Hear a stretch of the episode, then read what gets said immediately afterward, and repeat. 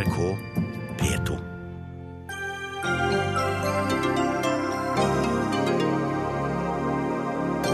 Når det kom et bitte lite tidligere anmeldt selskap og ville drive søppeltømming i Oslo for en mye billigere penge enn konkurrentene, hvorfor spurte ikke politikerne seg om det var for godt til å være sant, og burde de ikke ha gjort noe før det ble krise og søppelet fløt?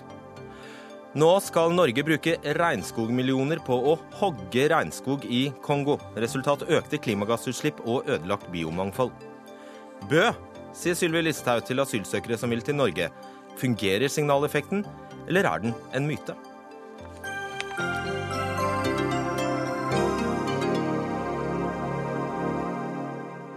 Vi skal også markere Kasi Kullmann Fives bortgang, hun som beskrives som raus og inkluderende, og en av dem som betød mest for likestillingen i sitt eget parti, Høyre. Du lytter til eller ser på Dagsnytt 18. Mitt navn er Fredrik Solvang. Norgeshistoriens største søppelkontrakt endte i går med at Oslo kommune sa opp avtalen med selskapet Veireno. Nå tar kommunen selv over bilene og 170 ansatte fra selskapet, og skal heretter tømme søppelet selv. Det blir dyrere, og prisen må Oslos innbyggere betale. Veireno vant anbudet fordi de lå 80 millioner kroner under det nest billigste.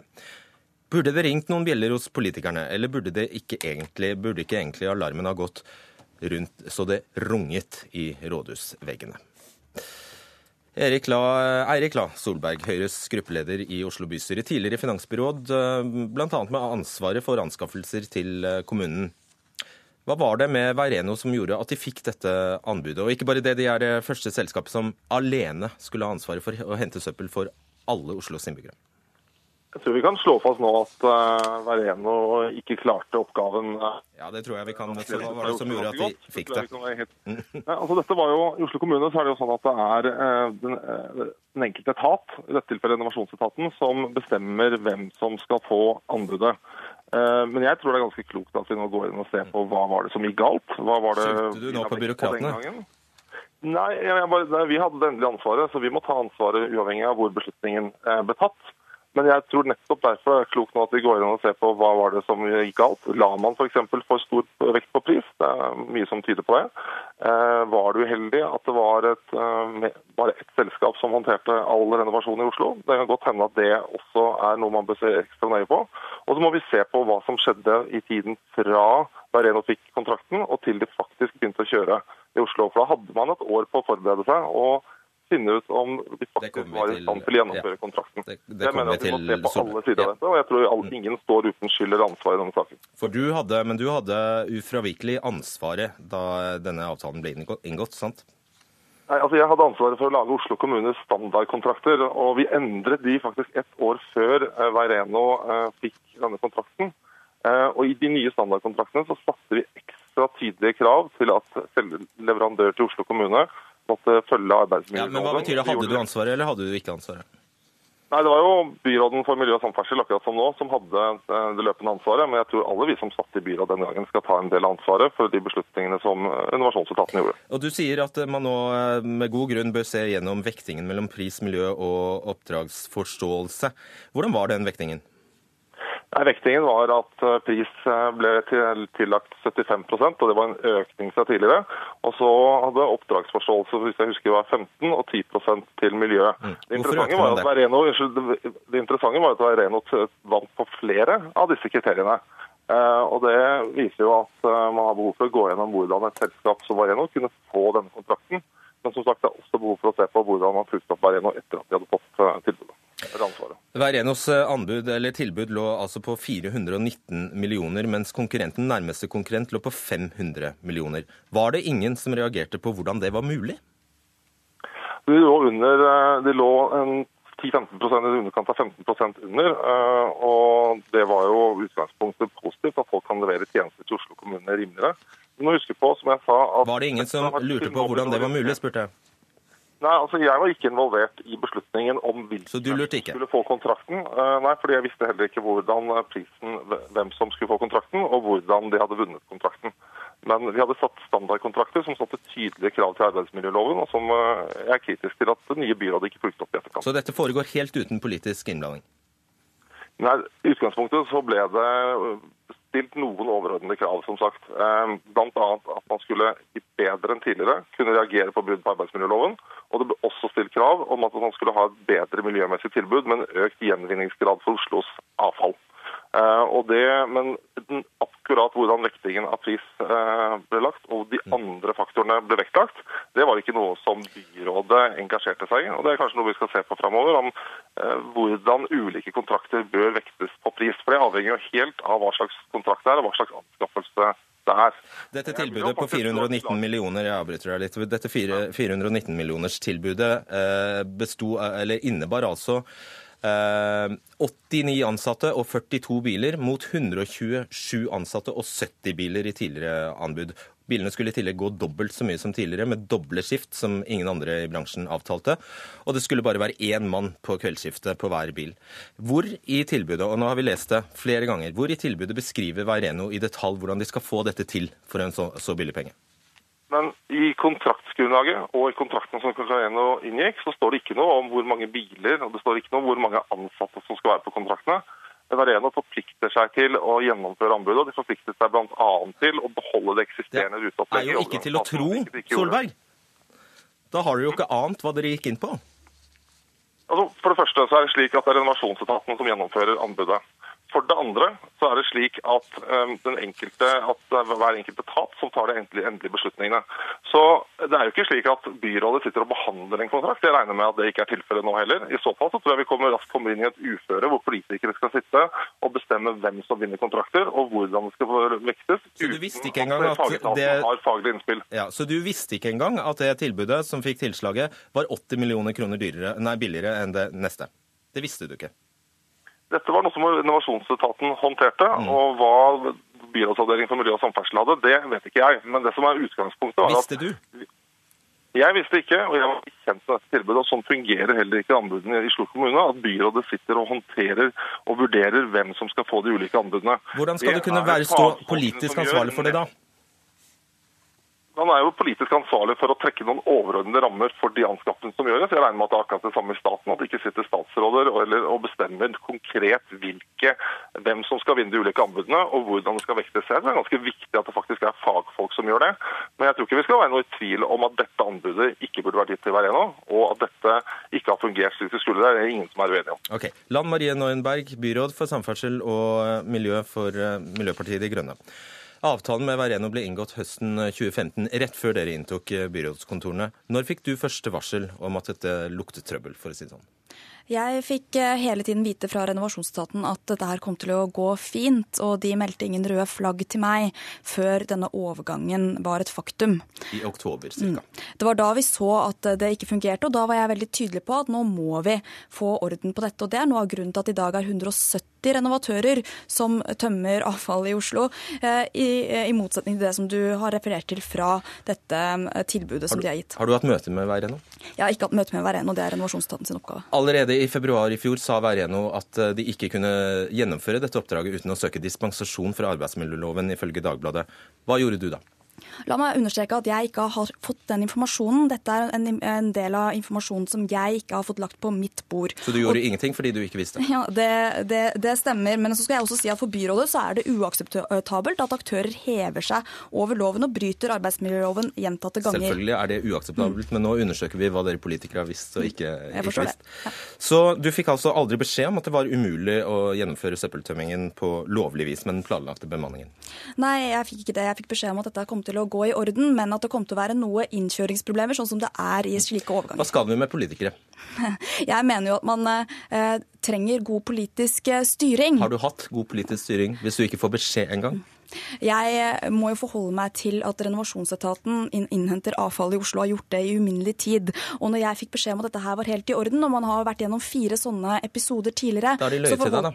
Eh, jeg tror kanskje at de hadde tro på at denne kontrakten kom til å fungere. De fikk jo som sagt beskjed om at det ikke var mulig å gjennomføre denne søppeltømmingen uten å bryte arbeidsmiljøloven, og den beskjeden gikk ikke videre til deg. Eh, jeg kan jo ikke verifisere eller avkrefte den informasjonen som du gir til meg nå, men jeg må i hvert fall si at jeg har vært veldig opptatt av at vi nå har funnet en løsning på dette til beste for innbyggerne. Ja.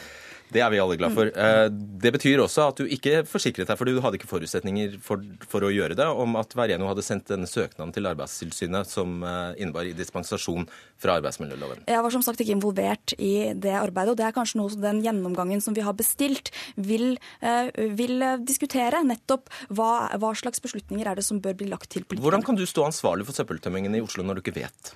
Nå er det jo sånn at Når man inngår et anbud, så vil det være opp til etaten å gjennomføre det, og så rapporterer de til avdelingen. og Hvis de uh, gir noen røde flagg, så bør vi reagere. Og så er det en hel del uh, imellom der. ikke sant? Men uh, det som er viktig for meg, er at vi nå har funnet denne løsningen. Og det er et viktig grep for Oslo kommune.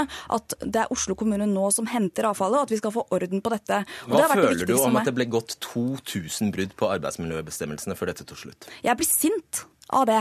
Og det som er eh, alvorlig i denne situasjonen, er at man i praksis ga en ganske liten og uerfaren aktør privat monopol over en viktig tjeneste i Oslo kommune. Og det gjorde at den hevingsadgangen som lå i kontrakten, egentlig ikke var helt reell. Fordi hvis Oslo kommune hadde hevet kontrakten, så hadde det skjedd over natten, og da hadde vi ikke hatt avfallsinnsamling i Oslo. Det hadde vært kritisk. Arbeidstilsynet mm, og også Dagbladet har avdekket en rekke brudd på arbeidsmiljøloven, som sagt, etter at selskapet begynte med søppelinnhenting. Men eh, da de startet opp i oktober, som du eh, nevner, hadde de fortsatt ikke søkt. Hvem har ansvaret for det, egentlig? Som sagt så, var dette her, eh, så er det Veireno som har ansvaret for å ikke bryte arbeidsmiljøloven. Det skal være helt tydelig. Det er ingen som skal heve seg over norsk lov. Og du har satt ut en tjeneste til et privat selskap på vegne av oss som bor i denne byen, og som betaler skatt. Har ikke du noe ansvar da?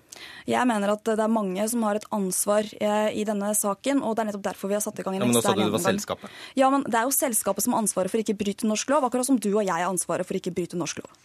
Eh, byrådet fikk beskjed om brudd på arbeidsmiljøloven i Vareno i slutten av oktober. Eh, men da sa du at det ikke var grunnlag for å heve kontrakten med Vareno. Det sa du 12. januar til Aftenposten. Hvorfor er det grunnlag i dag? Fordi at det som skjer i en sånn situasjon, er at en leverandør skal ha mulighet til å rette. Den fristen satte renovasjonsetaten i uke 50. Da skulle det ikke være noen flere brudd på arbeidsmiljøloven. Det som kom fram i midten av januar, var nettopp at Veireno hadde rapportert at eh, ikke hadde rapportert til Oslo kommune at de hadde brutt arbeidsmiljøloven gjentatte ganger. Og det var da grunnlaget for heving oppsto, altså for omtrent tre uker siden. Og etter det så var det helt tydelig for oss at Veireno skulle ut. Spørsmålet var hvordan, og jeg er glad for at vi i går kunne presentere en løsning som jeg mener er til beste for byens innbyggere. Eh, Eirik La Solberg, eh, du satte som vilkår at eh, de som er renovatører er viktige ambassadører for kildesortering i Oslo. og Derfor satte du som krav at de skulle beherske et skandinavisk språk på et middels nivå en viss tid etter kontraktstart. Hvor mye norsk kan disse rumenske sjåførene? Jeg kunne godt tenke meg først å forsvare byråden litt mot mange av de spørsmålene du stilte, og, derfor, og dermed også indirekte det forrige byrådet. fordi du ligger til grunn at politikerne og de som styrer, akkurat så har, sitter og avgjør hvilke faglige krav som skal stilles til anskaffelsene. Du sitter og legger til grunn at det er byrådet som skal sitte og velge leverandør. Jeg mener det vil være veldig uheldig. Jeg tror ikke politikere har fagkunnskap til å stille den type krav. Det har tydeligvis ikke etaten heller, da. Det er jo det vi avdekker i denne saken. Og det, er noe som har, det som har kommet fra meg, er åpenbart at Oslo kommunes innovasjonsetat ikke stilte de nødvendige kravene. At Oslo kommune ikke eh, reagerte. Det er litt ulekkert å skyve ansvaret nedover på byråkratene, Solberg. Kan du se det? Nei, det er jeg helt enig i. og jeg, derfor tror jeg, Men du gjør jo det nå. Sagt, at nei, både det nåværende og det tidligere byrådet må ta et ansvar for at denne leveransen ikke fungerte. Men hvis du så på fulgte byrådets pressekonferanse i går, så var det kanskje det mest påfallende at byrådet skyldte på alle andre. Jeg mener at eh, vi må ta en del av ansvaret, vi også. Men de satt og skyldte på det forrige byrådet. De satt og skyldte på renovasjonsetaten, de satt og skyldte på Veireno. Nå kan du svare på spørsmålet, Solberg. Hvor mye norsk eller skandinavisk da, kan disse rumenske arbeiderne? Jeg, som sagt, jeg laget ikke kontrakten. Jeg stilte ikke kontraktskravene. så Derfor har jeg heller ikke noen forutsetning for å svare på hvor mye de kan. Men de bør kunne norsk, og de bør kunne kommunisere med tror de kan det? på en god måte. Jeg tror noen kan det, men jeg tror ikke det er godt nok. Hva tror du, eh, Nornberg?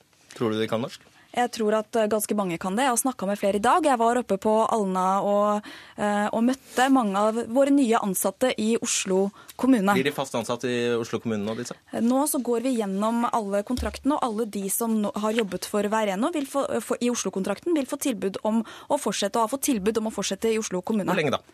Det kommer jo litt an på de ulike kontraktene.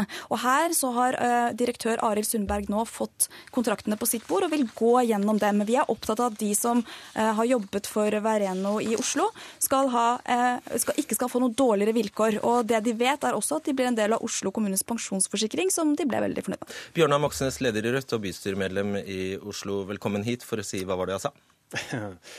Jeg mener at denne Saken her eh, er et, nok et eksempel på eh, at eh, hele problemet er at man setter ut tjenestene på anbud. Det forrige selskapet som vi hadde før Veireno, Reno Norden, de henta jo inn bulgarere som sto fram i Dagbladet og sa at de ble behandla som slaver. De ble sendt hjem til Bulgaria uten rettigheter når de ble syke, f.eks. Ragnsels, et annet kommersielt avfallsselskap, tok over renovasjonen i Asker i 2010. Der fikk jo avslørt i Dagbladet at de henta inn polakker på, via Adecco på tremånederskontrakter som jobber fra seks om morgenen til seks om ettermiddagen, seks dager i uka. Så Det vi ser innenfor renovasjon, men også innenfor renhold, til og med innenfor eldreomsorg, er at politikere folkevalgte driver i realiteten fram eh, sosial dumping i offentlig regi, fordi de har sett ut eh, tjenester på anbud av typen eldreomsorg, renovasjon og renhold. Det er å innføre priskonkurranse på arbeidskraft og arbeidsvilkår. Det er det som skjer. Om det så gjennomføres av Arbeiderpartiet og Høyre, så er det det som er prinsippet, og som er problemet med hele anbudsregimet. Kort, hva syns du om det du hørte her? Jeg syns det var 15 eh, minutter som viste veldig godt hvorfor eh, det ikke er så slurt å sette ut renovasjon på anbud. Det var en gjensidig, gjensidige forsøk på å dytte skyld og ansvar på hverandre, og ikke minst nedover i rekkene, men ingen tar ansvar selv. Når vi styrer tjenesten i kommunal regi, da har vi det fulle og hele ansvaret. Da kan du ikke peke på andre eller peke på Johnny Enger. Blir det dobbelt så dyrt? Det blir det ikke. Eh, det vi ser at du får tilbake den, eh, den prisen som var før eh, Veireno tok over. Vi får tilbake en reell pris som jobben koster for å få gjort jobben. Det gjenstår vel å se, da? Ja, vi får se hva som skjer nå. Men det er klart, det å betale la oss si 25 kroner ekstra i måneden for å unngå sosial dumping. Det er en pris de fleste vil betale. Pluss at vi ser at gjennomgangen av renovasjonsgebyrene i storbyene viser at de som har kommunal renovasjon, har lavere prisvekst. Pluss når man ser på alle kommunene i, i Nord-Trøndelag, som er gjort av Fagbladet, de kommunene som har kommunal renovasjon, er gjennomgående billigere enn de som har privatisert. Fordi vi ikke skal finansiere profitten for noen kommersielle aktører når vi gjør det i kommunal regi. Og Det er prinsippet som er viktig å få gjennomført i Norge, Oslo, mener jeg. Det Bjørnar Moxnes sier nå, er jo ikke noe argument mot konkurranseutsetting. Jeg nevnte selv, jeg nevnte Norden, jeg nevnte Vereno. Ja, ja, jeg hørte det. Men det er jo et argument for å stille tydelige krav til leverandørene, enten det er kommunale eller private. For Dere får ikke fortsette den. Loven og fortsette å følge lover, lover og forskrifter. Det de konkurrerer på, er jo lønnsvilkår og arbeidsvilkår. Det er der de sparer inn. Det ser vi. Eh, nå verker jeg etter å spørre Lan Marie Neuenberg eh, eh, stille henne to, to, kjappe spørsmål som jeg håper på eh, korte svar på også. En, hva mener eh, MDG om konkurranseutsetting? Vi har ikke noe ideologisk forhold til om det er private eller, um, eller aktør, eh, kommunal, kommunen da, som skal drive avfallsinnhentingen. Nei, men mitt utgangspunkt er at det skal fungere, og det har det ikke gjort i denne, denne, omgangen. Og nå har vi fått en løsning som jeg tror vil fungere. Hva skjer med Jonny Enger, han som nettopp har kjøpt seg leilighet på Tjuvholmen til 44 millioner, eller hva det var?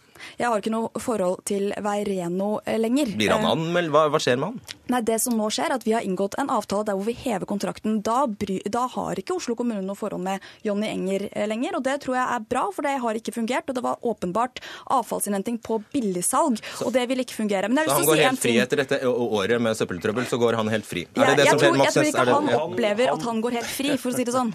Eh, men vi ser jo det, at eh, selskapet går konkurs, eh, og han er dermed ute av forpliktelsene sine som han har til Oslo kommune. Jeg tror at Innbyggerne merker seg i hvert fall at både De Grønne og også Arbeiderpartiet i Oslo er klare de for nye anbudseventyr innenfor renovasjonen etter neste valg.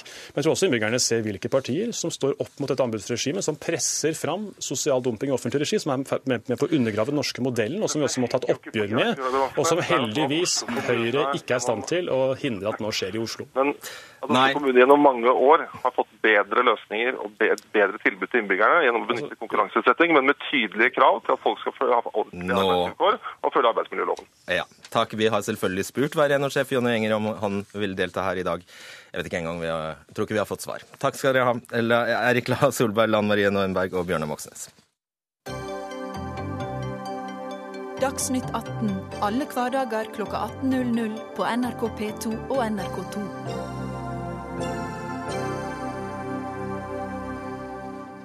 I Kongo ligger verdens nest største regnskog, og den skal Norge bruke milliarder på å bevare. Nå ber myndighetene i Kongo om nær 100 millioner norske regnskogkroner til å hogge regnskog. Lars Løvold, daglig leder i Regnskogfondet, det kan umulig stemme? Dessverre så stemmer det. Eh, myndighetene i Kongo har egentlig alltid vært opptatt av å hogge skogen. Men det Norge jo ønsker å gjøre, er å ta vare på denne skogen. Eh, og for oss i Regnskogfondet så er det ikke så veldig fornuftig og da satse masse penger på å øke industriell skala hogst, øke utslippene og redusere kvaliteten på den fantastiske regnskogen som Kongo har. Nei. Dette gleder jeg meg til du skal forsvare, Vidar Helgesen, klima- og miljøminister for Høyre. Skal man lykkes i å ta vare på skogen, må stående skog få en økonomisk verdi, har du sagt. Hvordan redder man regnskogen ved å hogge den? Jeg har først lyst til å si at dette er ett prosjekt av mange, og det er et prosjekt som ikke er godkjent ennå, og som ikke er i gang, men som er under diskusjon. Du tar deg bryet med å forsvare det, da, så jeg regner med Ja, absolutt. Og det er fordi hele skogsatsingen vår, ikke bare i Kongo, men alle andre steder, dreier seg om å beskytte, men også å bidra til produksjon. Folk har levd av regnskog på ulike måter, og det skal de fortsette med. Ikke bare gjennom hogst, og ikke primært gjennom hogst, men på andre måter. Fordi vi kan ikke kreve av mennesker i eh, andre land at de skal slutte å leve av det de har levd av i generasjoner. Men vi må hjelpe til med at det kan bli gjort på mer bærekraftig måte. Det er derfor vi er opptatt av i Indonesia f.eks. bærekraftig produksjon. Men skal vi betale for det? Av, det er en del av omleggingen av det som i dag er en krisesituasjon. Nå-situasjonen er jo ikke at skogen står der. Nå-situasjonen er at den ødelegges. Og den ødelegges eh, i Kongo faktisk ikke primært av eh, industriell hogst, men av ulovlig hogst. Av svedige svedjejordbruk. Så hva er det vi konkret gjør da?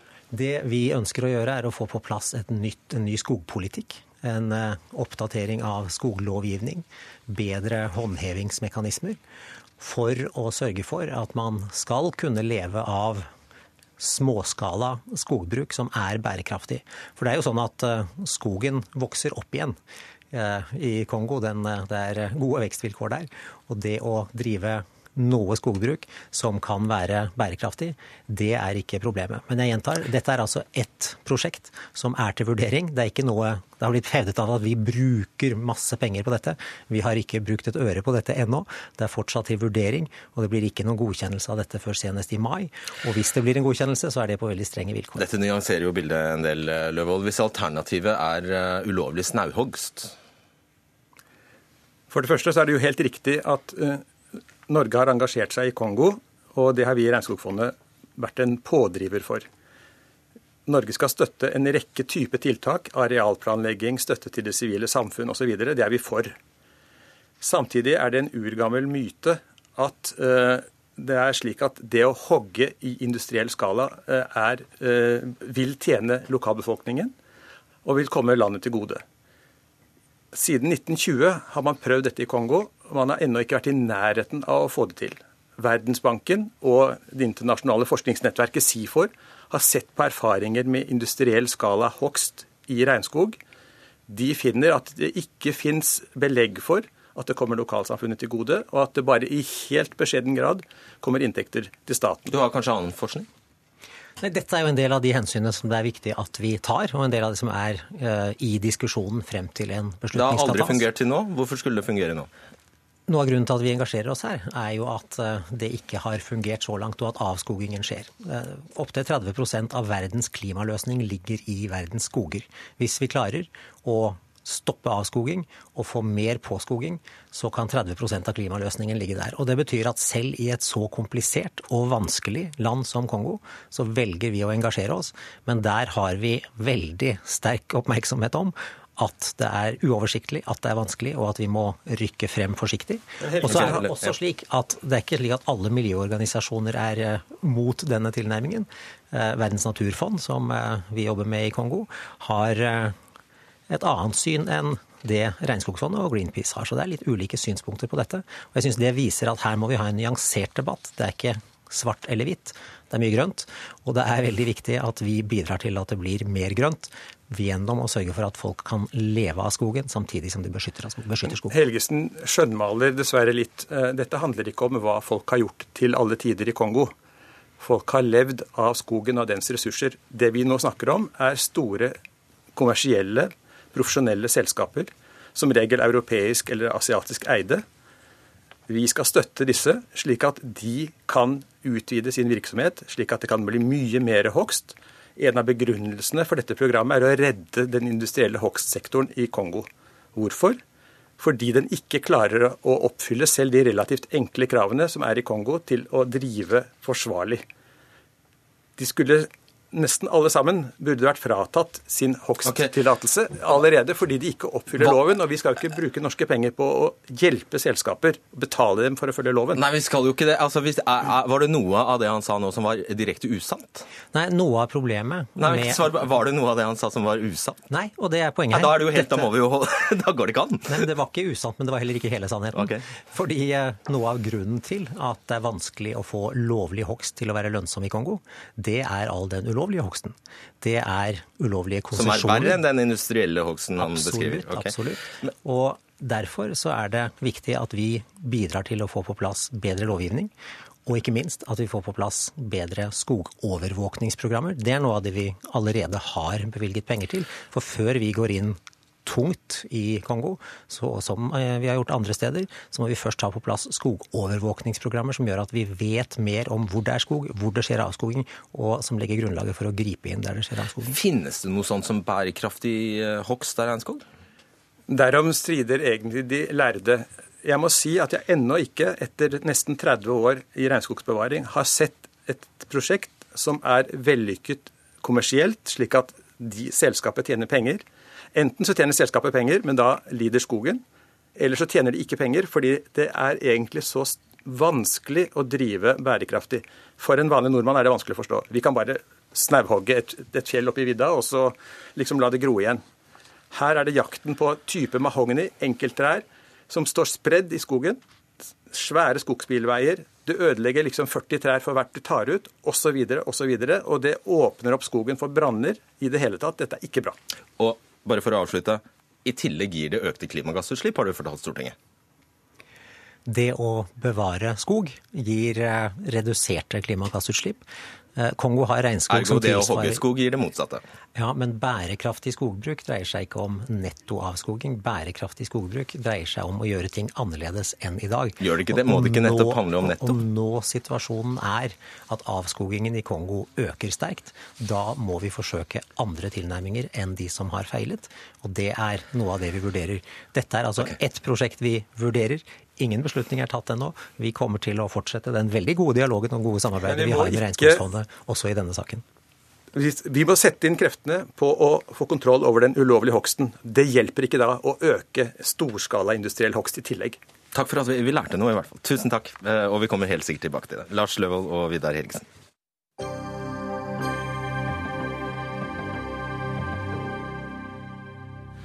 Da Høyres Øyvind Halleraker åpnet døra for at uh, Norge kunne komme til å ta imot flere kvoteflyktninger etter at Trump hadde stengt grensene, tok det ikke mange timene før Sylvi Listhaug kontant avviste ideen. Innvandrings- og integreringsministeren sa at uh, vi sprengte alle rekorder og fikk tre ganger så mange asylsøkere som i et normalår da vi sendte ut signaler om å ta imot flere flyktninger. Men stemmer det? Stemmer det at det kommer flere asylsøkere hvis vi tar imot flere kvoteflyktninger? Det skal vi diskutere nå.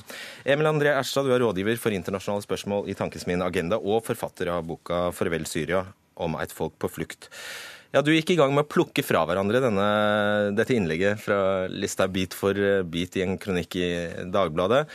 Og først eh, sier du at signaleffekten er en myte. Hvordan begrunner du det? Altså, Jeg anerkjenner at uh, i asylpolitikken finnes det signal som vi kan sende, og politikken strammer vi kan gjøre. Men når det kommer til kvoteflyktningproblematikken, så er signaleffekten en myte, sånn som, uh, i hvert fall sånn som Listhaug bruker den. Jeg begrunner det.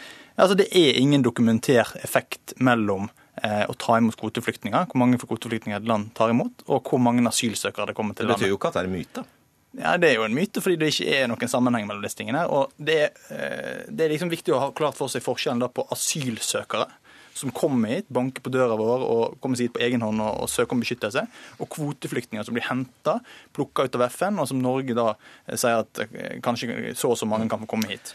Og Jeg syns at Listhaug bruker da færre kvoteflyktninger, som er da én ting, til å sende signal i asylpolitikken, som er noe helt annet.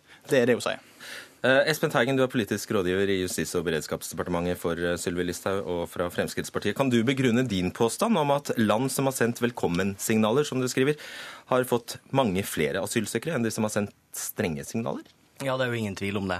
Og til og med kollega til Emil André, som er Sylotraku i venstresida sin tankesmiagenda, sier jo også det til bl.a. Klassekampen at rykte betyr mye, og at Norge har fått et rykte på seg som streng. Det er bevist at Sylotraku sier det? Det, ja, ja, det står altså det, det, Er det et bevis?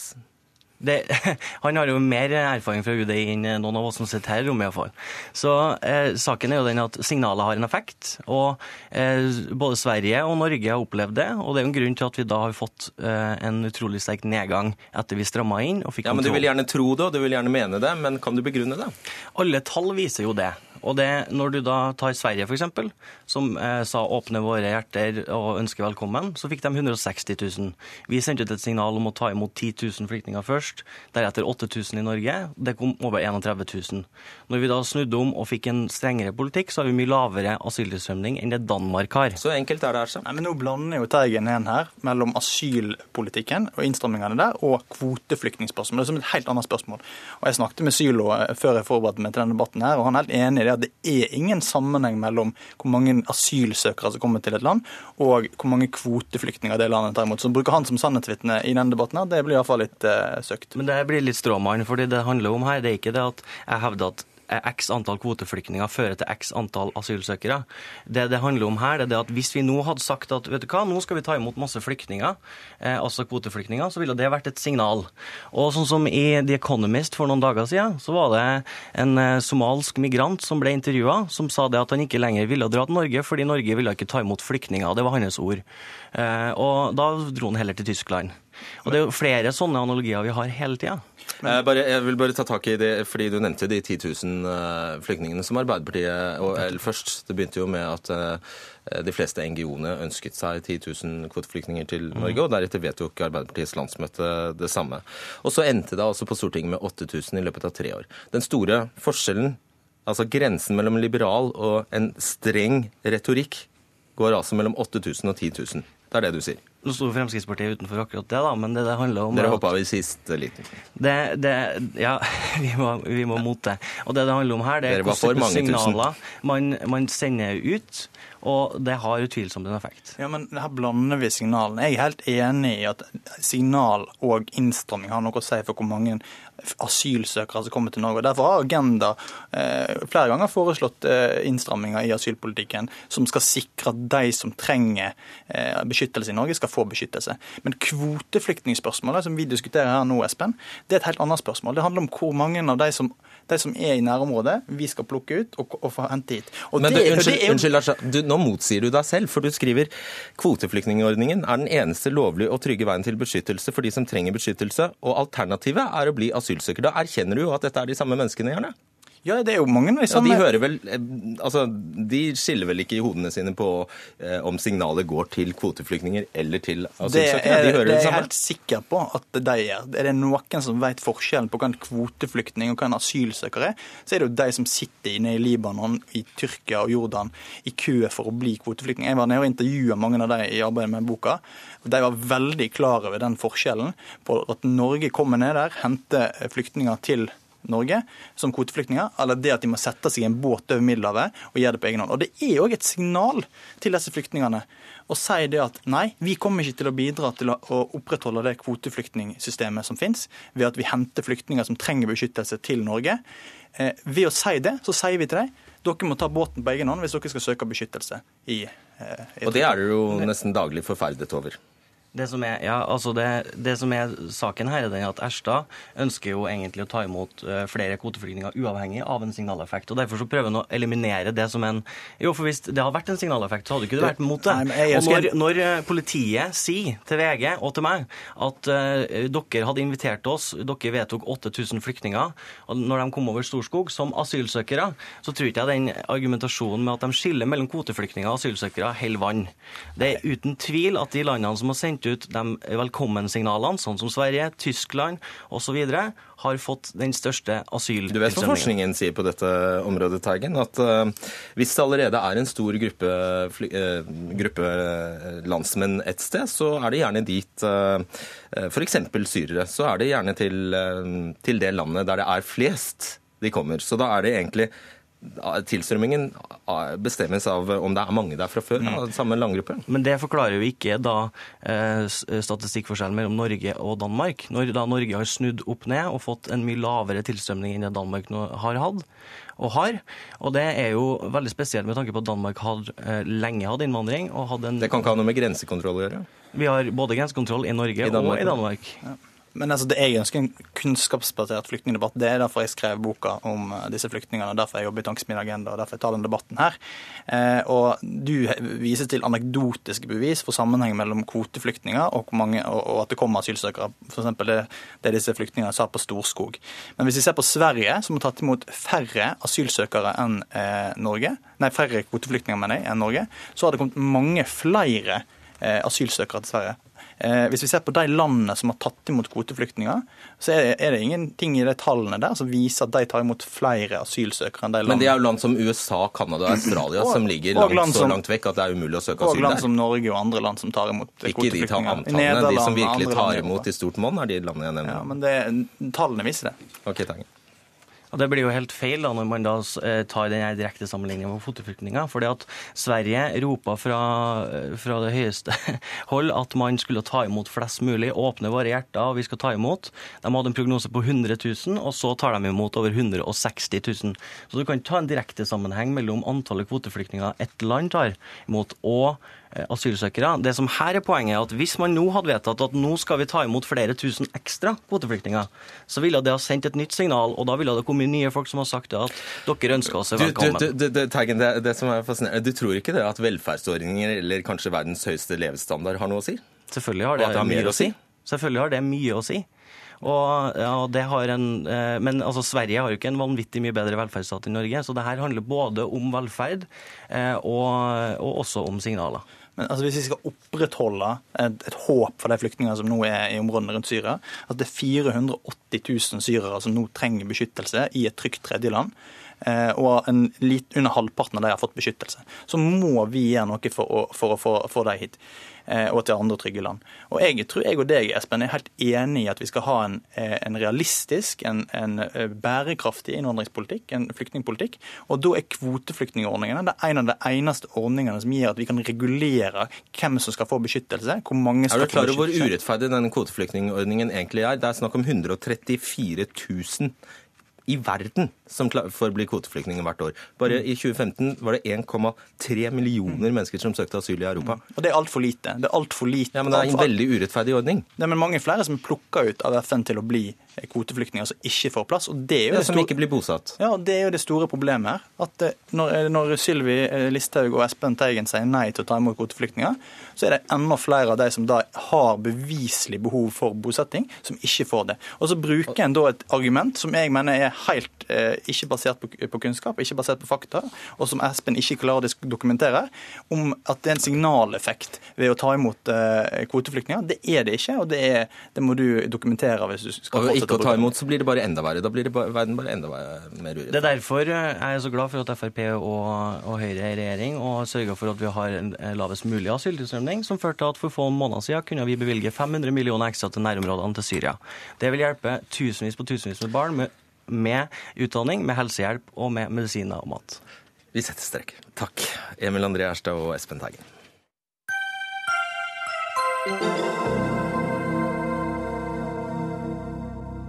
Uber-sjåfører, ikke gi dere! Dette var beskjeden fra Høyre-topp Heidi Nordby Lunde i Klassekampen i dag. Hun oppfordret sjåførene til å fortsette å kjøre og drive med persontransport uten løyve, selv om dette er ulovlig ifølge politiet. Og dette til tross for at hennes eget parti i løpet av fire år i regjering snart ikke har lagt til rette for at Uber-sjåførene kan kjøre innenfor loven. Heidi Nordby Lunde, stortingsrepresentant for Høyre. Da er det stilig at du oppfordrer til ulovligheter.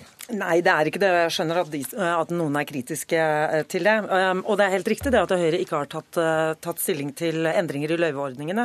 Men det ligger faktisk nå en formulering i programmet som skal vedtas i mars, om å legge til rette for delingsøkonomi.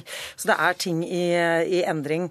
Men jeg har jo også sagt det at det er i 2017 vi har fått ny teknologi. Vi har fått eh, nye muligheter til å koble ressurser og behov på en annen måte enn tidligere, som jeg mener gir bedre og tryggere tjenester. Ja, men du er lovgiver, Lunde. Også eh, teknisk sett så har du altså oppfordret til en, et lovbrudd? Ja, jeg syns det er utfordrende sjøl at en fra lovgivning forsamling eh, oppfordrer til sivil uh, ulydighet. Men det er forskjell på lover og regler uh, for de som er der for å beskytte individets rettigheter, uh, og de som er reguleringer av en næring. Det er ikke optimalt, men jeg håper at det bidrar også til nødvendige endringer. Heikki Eidsvoll Holmås, stortingsrepresentant for SV. Hva syns du? Jeg syns hun er litt feig. Jeg syns Heidi Lårby Lunde er feig, fordi at det hun gjør, det er å oppfordre en haug med mennesker til å begå lovbrudd og få bøter når politiet skal følge den myndigheten og følge de lovene som hun sjøl har vært med på å fastsette, fordi hun sjøl ikke har fått med seg regjeringen på å liberalisere drosjemarkedet sånn som hun vil.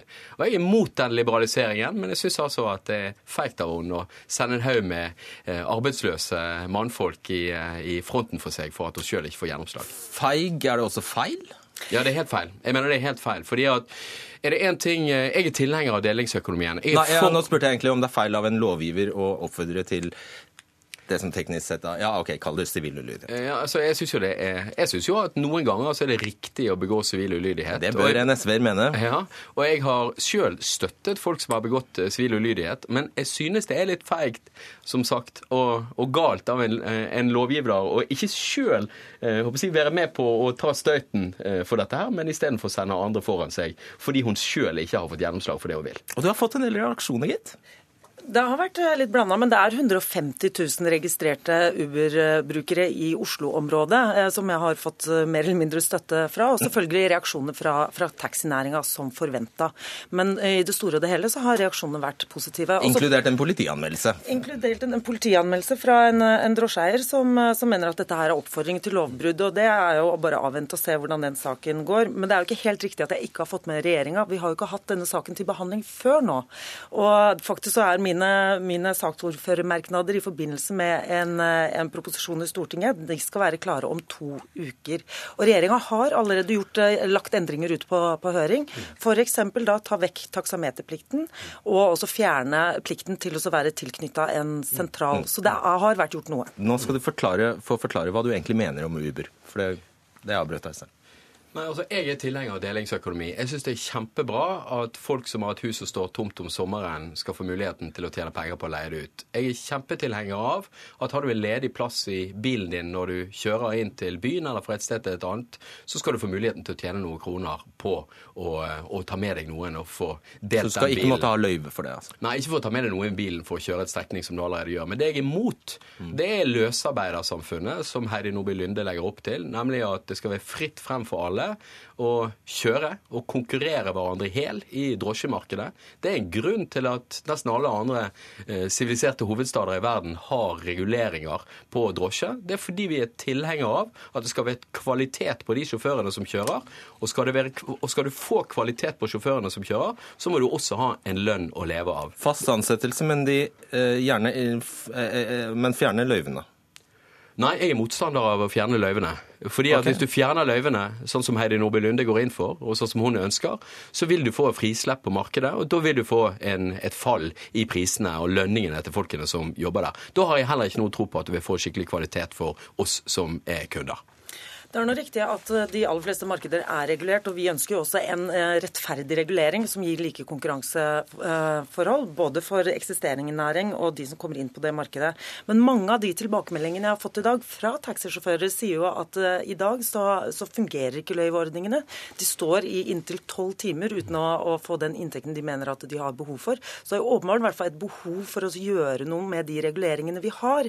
Og så mener jeg at teknologier, hvis vi holder bare Uber litt unna, for det er bare et eh, eksempel på et selskap, at teknologier har kommet inn for å eh, gjøre, større endringer enn det vi har hatt i dag. Og jeg er uenig i at dette blir et løsarbeidersamfunn. Dette er markedsplasser for å koble ressurser og behov mer effektivt eh, sammen. Og Delingsøkonomiutvalget, som leverte sin rapport for to uker siden, sa at det nettopp ikke skal berøres av arbeidstagerorganisasjonene, slik SV vil. Hvordan ser et Uber du kunne akseptert ut? For det første så ville jeg hatt et Uber som da hadde fast ansatte. Det hadde vært det beste for å sørge for at folk får seg skikkelige lønns- og arbeidsvilkår. Det er jo sånn det er i drosjenæringen i dag. Eh, folk er fast ansatte eller har en løyve. Eh, det som er problemet... Så det må bli et, de må bli et helt ordinært drosjeselskap for ja. at du skal akseptere det? Ja, jeg mener det er det beste. Da er du ikke for noe delingsøkonomi? Jo, for poenget er at hvis du er tilhenger av delingsøkonomien, så er du for å dele ressurser. Men det å, være, det å gå inn for at istedenfor at folk skal ha en fast ansettelse, eller gå inn for at istedenfor at folk skal ha en løyve som de skal tjene penger på, og ha ordnede arbeidsforhold i en arbeidshverdag, så skal du gå inn for at folk skal tilby sine tjenester på et marked. Det mener jeg er en dårlig løsning. Det vet vi fører til dårligere lønns- og arbeidsvilkår. La meg ta to eksempler. Ja, bare, ta to ja, eksempler. Okay, eh, det ene eksempelet er at vi har fått en økning i antall midlertidig ansatte etter at, du, eh, etter at regjeringen åpnet eh, for nettopp det ble åpnet for mer midlertidige ansatte. I løpet av ett år så økte antallet midlertidige ansatte her i Norge med 28% Og Da er det enkle spørsmålet Tror du du har størst makt til å forhandle lønn hvis du er midlertidig ansatt eller fast ansatt? Svaret er jo åpenbart. Det er når du er fast ansatt. Taxisjåførene har jo ingen fast, jo, fast de taxisjåførene, taxisjåførene er fast ansatt og på vilkår ja, men de har jo ingen fast lønn. Nei, for de avhenger av hvor mye de kjører. Ja. Og der er jo et av problemene. Jeg syns jo det er vittig at Heidi Nordby Lunde traff frem at det er for mange løyver i Oslo, at det er for mange mennesker som står uten å kjøre i Oslo. For nettopp i Oslo så har jo høyresiden styrt eh, og okay, tillatt flere løyver, som nettopp gjør at drosjesjåførene står stille. Ja, det er faktisk en sak. Det, det, har du rett i. Lunde, altså, I januar gikk skattemyndighetene til aksjon mot 400 navngitte Uber-sjåfører med varsel om, eh, om eh, etterligning av skatt eh, og moms. Og det er altså disse sjåførene du nå egentlig oppfordrer folk til å, til å kjøpe tjenester av? I likhet med mitt eget enkeltpersonsforetak, så er jo disse også enkeltpersonsforetak som har plikt på seg til å levere skatteopplysninger og moms til myndighetene. Og så gjør de ikke det. Og så er det slik at det gjøres etter årets slutt, når vi skal betale skatt. Så jeg har enda ikke sendt inn til ligningsmyndighetene hvor mye jeg tjente i mitt enkeltpersonsforetak eh, i fjor. Så dette kommer nok, Men alle, vi er enige om at alle skal du, betale skatt. Nei, unnskyld, dette er folk som har fått etterlignet skatt.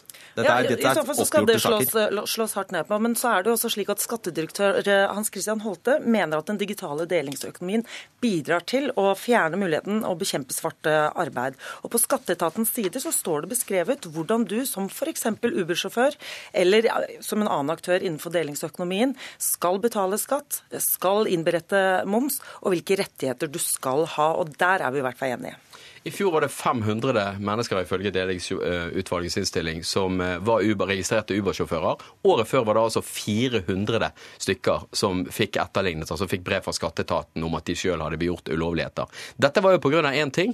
Det er fordi alle disse folkene hadde trodd at de kunne stikke unna uten å betale skatt, fordi de regnet med at Uber ikke ville bli eh, tvunget til å levere inn eh, skatte, skatteoversikt. Så det er grunn nok for deg til å ikke bruke Uber? Eh, ja, jeg bruker ikke Uber, men jeg bruker ikke Uber i Norge. Og Du er klar over at hvis du skal føre den logikken, så, så kan du ikke kjøpe cola, da kan du ikke spise burger på, ja, jeg bruker Uber i da kan du ikke spise burger på Burger King eller på Peppe, du kan ikke kjøpe pizza på Peppes eller på TGI Fridays. For alle disse betaler minimalt med skatt i Norge. Ja, det er helt riktig. Og Derfor syns jo jeg at det er problematisk at regjeringen har sittet fire år, visst om at delingsøkonomien kom, men ennå ikke klart å komme på plass med det skatteetaten har bedt om, nemlig muligheten til å få automatisk automatisk utlevert. Alle de oversiktene over hvem det er som, skal, eh, som, eh, som Uber har som ansatte sjåfører. Alle de folkene som leier ut på Airbnb, for å sørge for at dette skjer i skikkelige skattemessige former. Og dette, sammen med pengene som går til utlandet istedenfor å skattlegges i Norge, gjør jo selvfølgelig at Uber kan konkurrere på pris. Ti sekunder. Ja, altså Skatteetaten sier at dette her er uproblematisk. De har kommet til enigheter med de selskapene det gjelder, som har vært mer enn velvillige til å nettopp overlate den informasjonen. Det de venter på er politikerne, og det er meg og deg, til å regulere opp og gi dem rettferdige konkurransebetingelser. Og regjeringen. Og det håper jeg at vi nå får på plass. Takk. Heikki Holmås og Heidi Nordby Lunde.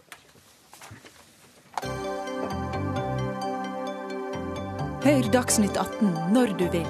Radio NRK Radio.nrk.no.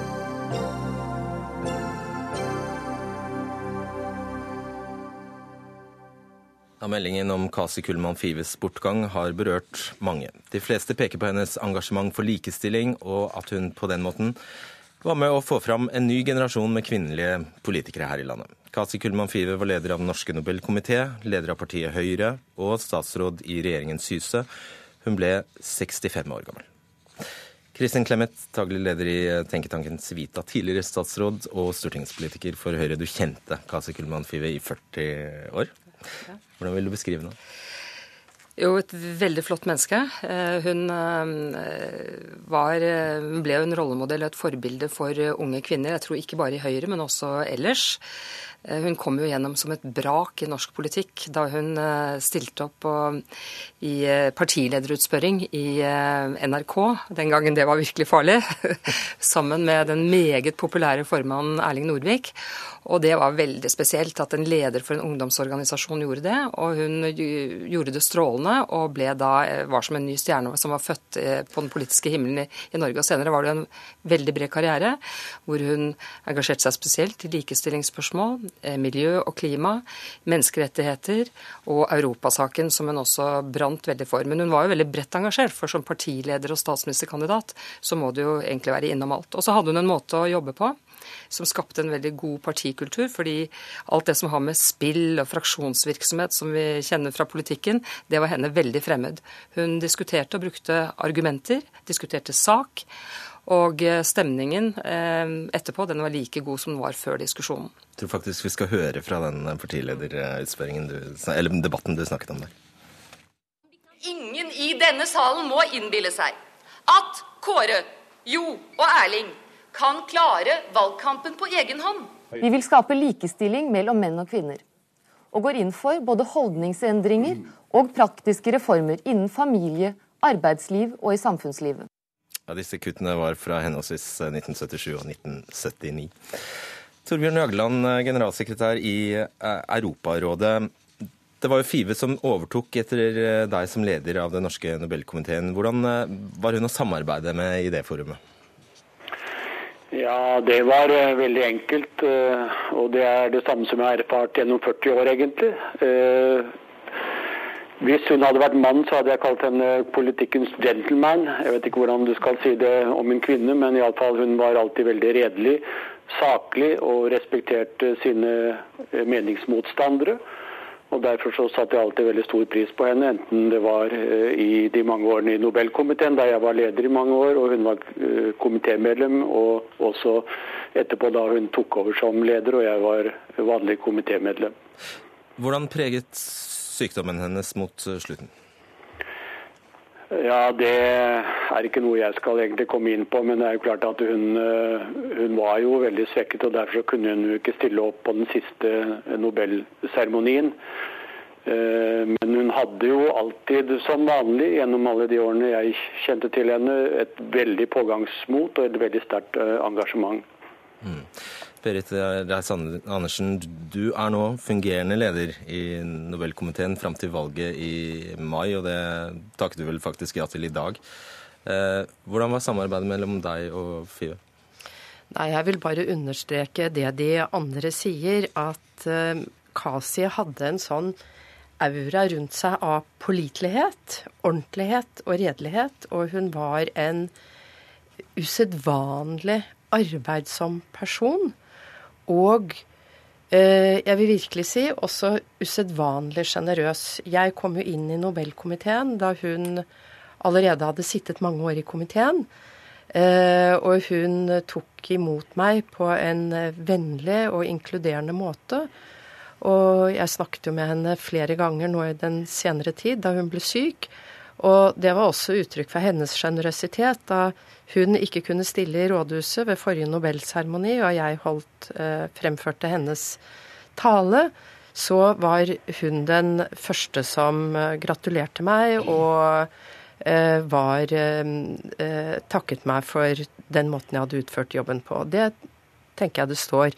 Det forteller noe om henne som person. Um, at det er ikke bare en floskel at man sier hun var varm og sjenerøs. Hun var virkelig det. Mm.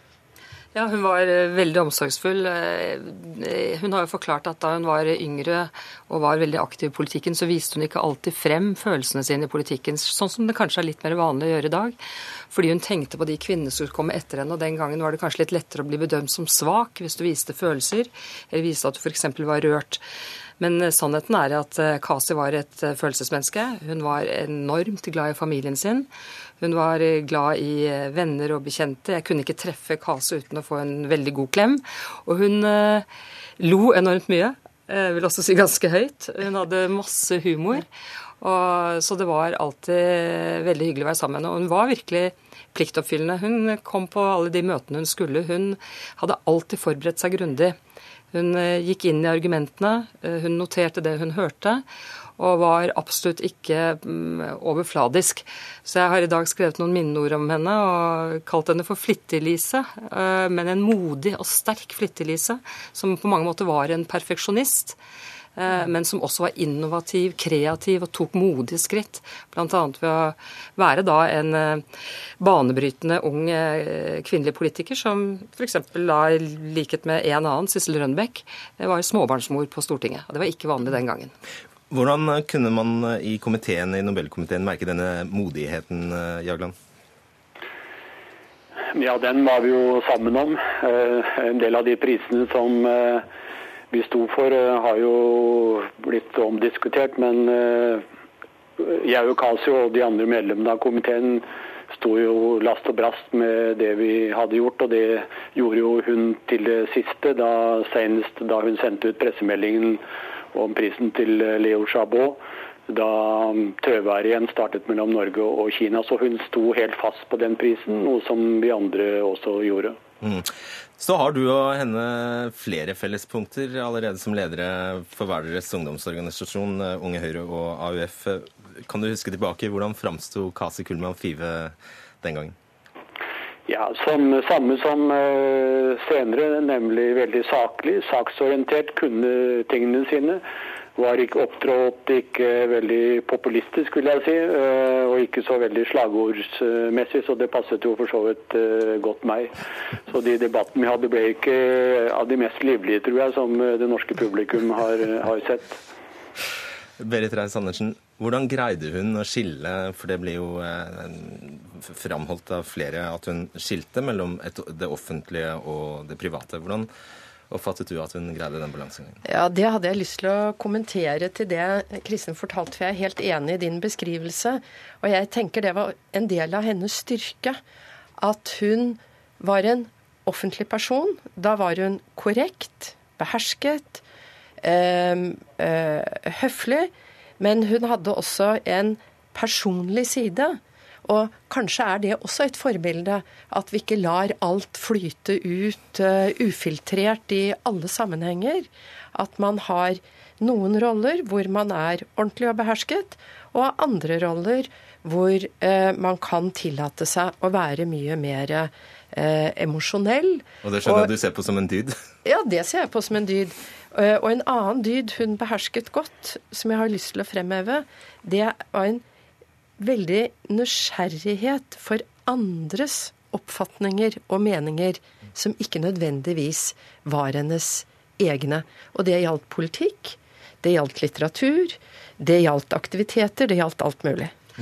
Datteren hennes skrev en bok for ikke så lenge siden som ble ganske mye omtalt, som eh, da tilsynelatende dreide seg om, og delvis også dreide seg om, at eh, det ikke var så lett at mamma var så mye borte når eh, barna var små. Og særlig på den tiden hvor det var mer uvanlig, hvor man ikke hadde all den hjelpen vi i dag kan få til små barn. Og Man kunne kanskje få inntrykk av av omtalen at det var et slags anklageskrift fra datteren, men jeg vil råde til å lese den boken, fordi det er en varm bok, og det er i virkeligheten en ganske god biografi over Kasi, som selvfølgelig selvfølgelig også gir uttrykk for at det er, kan være knyttet til savn når du er liten og, og, moren din går og jobber mye, men hvor hun også forteller på en veldig fin måte om Kasis eh, karriere og hennes store engasjement i politikken og hvor mye det har betydd. Klarer du på noen få sekunder Jagland, å eh, fortelle oss hvilken betydning Kasi Kullmann Five har hatt for norsk politikk? Ja, Det er fire stikkord. Det er eh, kvinnesaken. Det er at hun førte miljøkampen på fullt inn i Høyre. At hun sto veldig fast på menneskerettigheter og var en overbevist europeer. Og det var jo ganske viktig gjennom alle disse årene i norsk politikk at hun sto for dette, også i, altså i sitt eget parti. I tillegg til alle de andre veldig fine beskrivelsene vi har eh, hørt i løpet av dagen. Tusen takk skal dere ha, Kristin Clemet, Berit Reiss-Andersen og Torbjørn Jagland. Dagsnytt 18 er eh, over for i dag. Ida Tune Øresland, Lisbeth Seldreite og Fredrik Solvang takker for seg, og på gjenhør og gjensyn i morgen.